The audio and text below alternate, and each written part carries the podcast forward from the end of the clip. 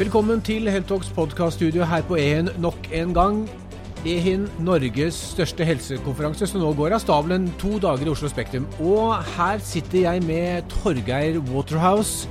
Eh, hvis jeg skal prøve meg på en introduksjon av deg, da ville jeg sagt noe slik som eh, IT-guru med meninger og mangt. Hva ville du sagt da, Torgeir? Ja, det syns jeg er både fint og hyggelig å leve godt med. Og så er det samtidig en utfordring om å faktisk ta del i debatt og, og tørre å mene noe og pirke i det som foregår og sannhetene vi har. og, og de tingene vi ikke gjør noe med, men burde gjort noe med. Ja, for E-helse det er faktisk et område hvor uh, altfor få eh, utenfor uh, si, de verste IT-nerdene eh, og, helse, og, helseselskapene kaster seg på. Er vi bruker jo 12 milliarder på e-helse hvert år, men oppsiktsvekkende like, lite diskusjon og debatt. Ja, og så er det nok kanskje delvis fordi at vi bruker masse penger på helsesektoren totalt sett, og noe av det er IT og da e-helse.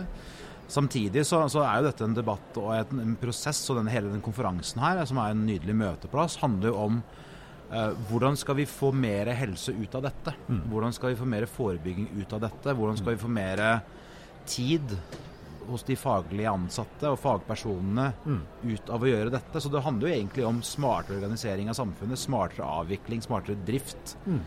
Rett og slett bare jobbe bedre. Jobbe mer på en måte som gagner deg og meg når vi trenger hjelp, enn man gjør i dag. Og altså det kommer ganske nylig en OECD-rapport som, som, eh, sier at eh, e, altså, helsevesenet IT-messig ligger 10-15 år bak annen industri, som f.eks. flyindustrien, eh, bankindustrien.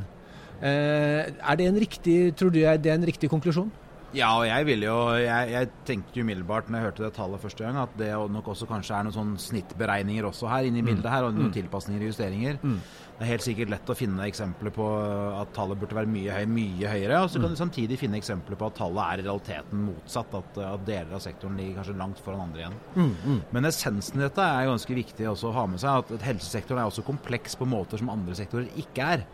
Så det er jo ikke bare å nappe noe ut og sette inn noe nytt og håpe at det fungerer. Det må gjøres noen grep, og det må gjøres skikkelig. Og, uh, og så er det jo store investeringer, store skifter, og det er jo ikke akkurat utviklingsorganisasjoner vi snakker om her, det er jo driftsorganisasjoner. og gjerne med, som er understaffed og underfinanced på nettopp IT.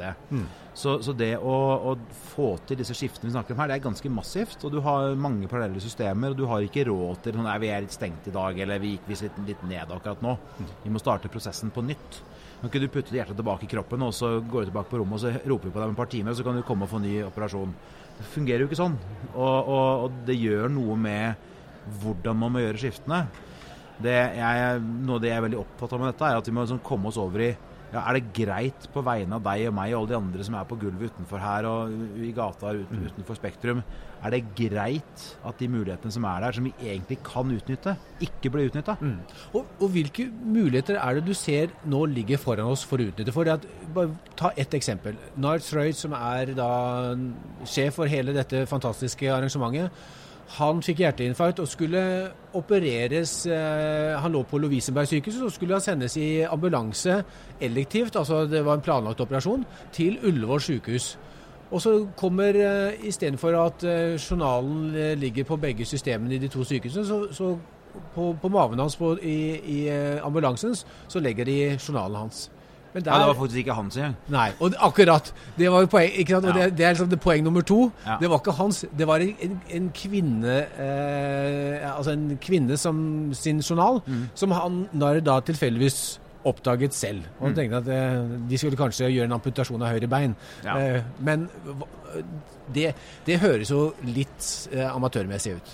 Ja, og det, det er det. Og, og, og, det er jo her det, det er jo sånne eksempler som så veldig godt synliggjør behovet for å gjøre noe. Mm. Og behovet for å ta på alvor hva vi egentlig snakker om. Og Det interessante er jo at, eh, at, hver gang det skjer noe rundt IT i helsesektoren, så kommer journalistene løpende og spør om var det noe data på avveie. Var det noen mm. som fikk innsyn, noe de ikke skulle sett. Ja. Tenk om de endelig kunne begynne å spørre om hva, var det folk som ikke fikk, ikke fikk operasjonen sin. Var, var, det viktige data som ikke var til stede når man skulle operere? Når man skulle, noen skulle kanskje legge noen i narkose osv. Mm. De all, virkelig store og alvorlige spørsmålene her. Det betyr ikke at det ikke er problem med data på avveie. Mm. Men, men, det er ikke bare det det handler om. I finanssektoren, for deg og meg, kanskje bankkontoen vår er på avveie. Da, da er det en avveiesak nesten ja. bare. Ja.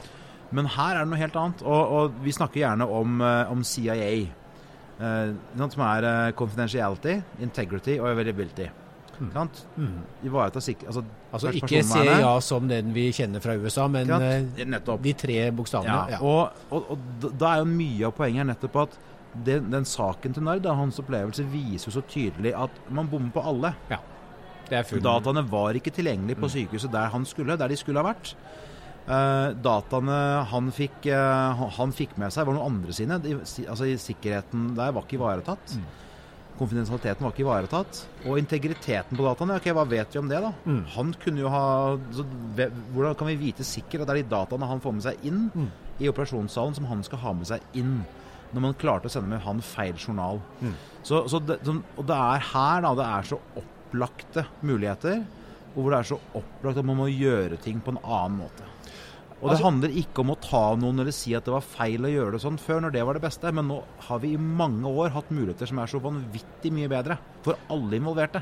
Og IT er jo det feltet som, som, hvor ting flytter seg ekstremt fort. Du, du har jo selv vært inne på Moores lov, altså datamengden eh, Eller mulighet til å, å, til å behandle datamengden. Det, det, det dobles eh, flere ganger i løpet av et år.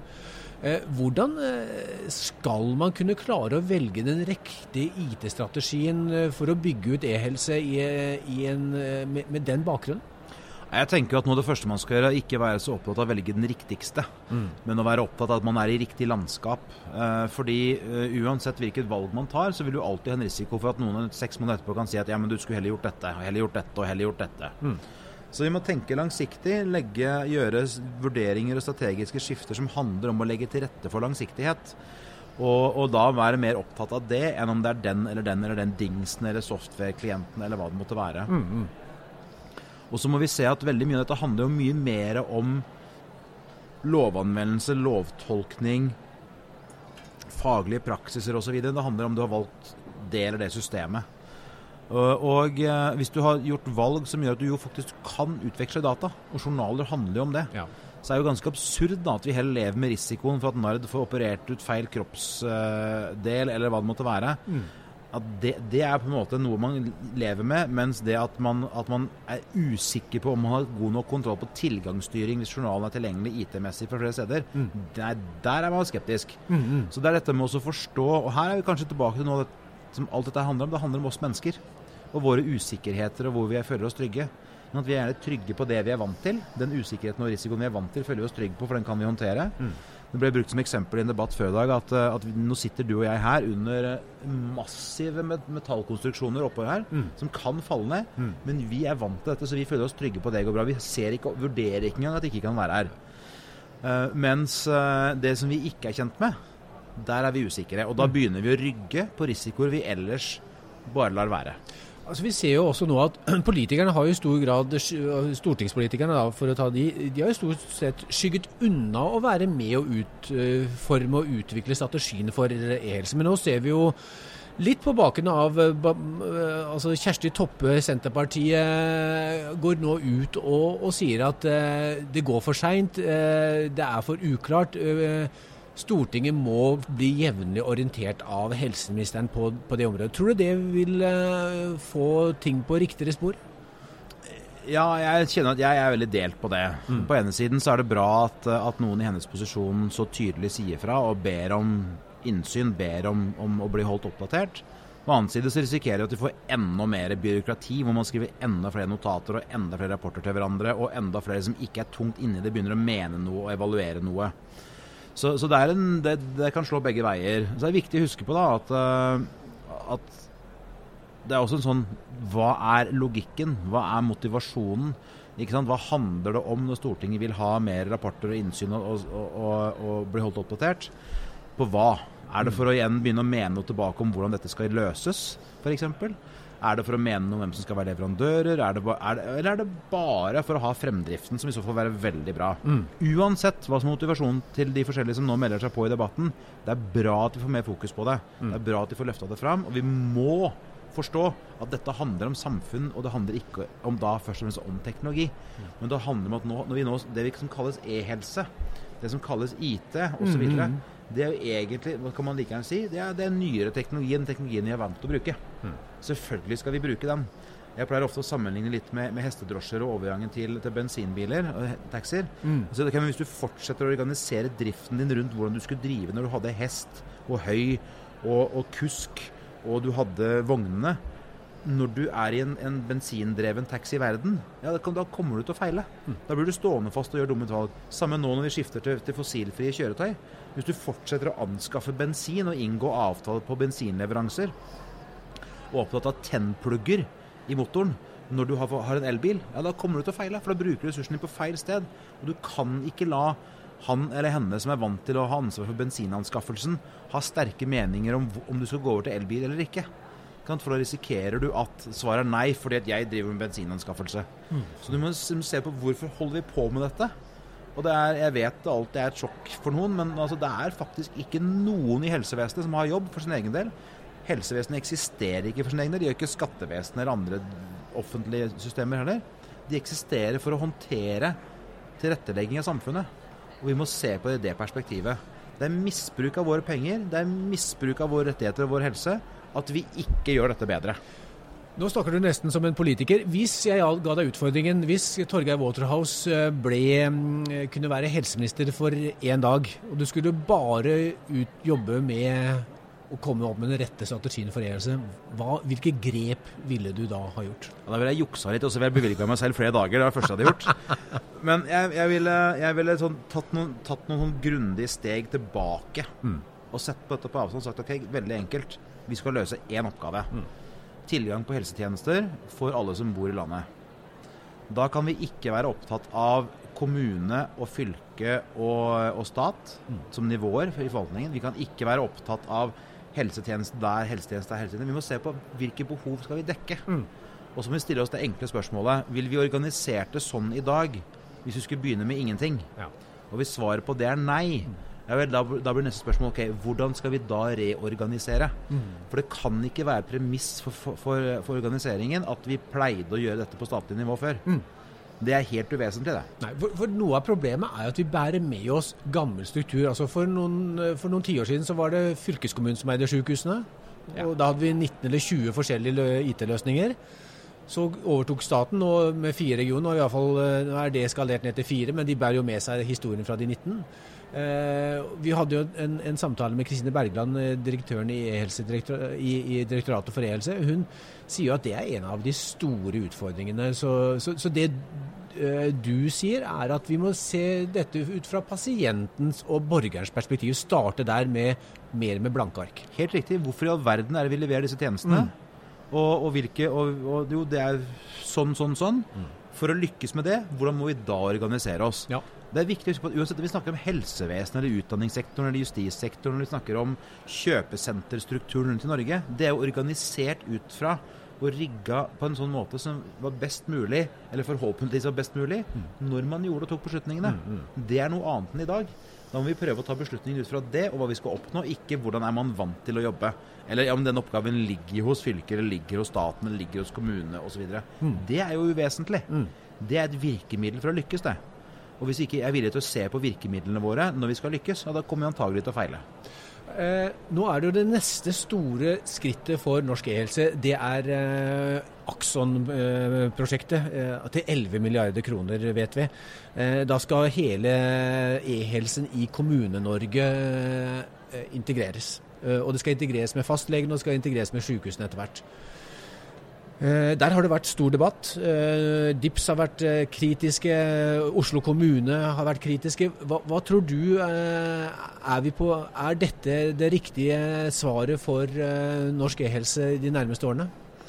Jeg tror det er, det er vanskelig, for det er så massivt. Så det er vanskelig for meg å gå inn i om det er riktig eller feil. Altså, men det er klart at når store aktører som de to du nevner er kritiske, så er det i hvert fall dem ikke annet grunn til å vurdere om de kan ha et poeng. Og, eh, og det er også viktig her å se på at vi, at vi um, gjør et enormt prosjekt. Og så kan man spørre seg ok, er det andre måter å løse dette på. Hva er det man er igjen, hva er det man skal oppnå her? Og, eh, og man må ta noen steg tilbake. Man må hele tiden være villig til å se på hvilke hensyn er tatt underveis. Hvis man har tatt hensyn underveis for å dekke noens behov som egentlig ikke handler om ditt og mitt behov for helsetjenester, ja, da har man tatt noen feil vurderinger. Jeg syns det er vanskelig å, å være sikker nok på forhånd, om det er rett vei å gå eller ikke. Men jeg, jeg, jeg har en sånn liten sånn vond klump i magen på at nok et sånt massivt prosjekt kanskje ikke kommer til å gå så bra. Eh, Så håper jeg selvfølgelig, hvis det blir gjennomført sånn som jeg synes det blir, at jeg da tar feil. At de nå beviser at jo, dette fikk vi til som vi skulle. Ja. Men, eh, men jeg er litt bekymra for at det er tatt en del hensyn her som ikke burde vært tatt underveis. Eh, Fordi det har brakt prosjektet stadig lengre bort fra eh, oss som innbyggeres behov for helsetjenester. Så er det mulig jeg tar feil. Håper egentlig jeg gjør det. Men, men, eh, men vi må liksom begynne å se mer på dette ut fra hva er det vi skal oppnå. Hvordan kan vi oppnå det? Hvilke steg må vi gå? Hvordan skal vi legge til rette? Eh, og ikke nødvendigvis være så fastlåst i og styrt av hvordan er driften og eierskapet av disse tjenestene tradisjonelt organisert. Det er i hvert fall en ekstremt viktig debatt å ta, eh, for det handler om helsa vår, og det handler om hvordan eh, fremtiden skal være for norsk helsevesen. Her ute er det i alle fall ekstremt mange innovative selskaper som gjerne har lyst til å kaste seg på. Veldig spennende å ha deg i studio, Torgeir Waterhouse, eh, og for at du ville dele dine tanker med oss og lytterne. Vi krysser fingrene for at norsk e-helse går med stormskritt den rette veien. Takk skal du ha. Det er viktig å huske at vi har alle muligheter, så vi må klare å ha fokus på hvorfor vi gjør det, ikke hvordan vi pleier å gjøre det. Takk skal du ha.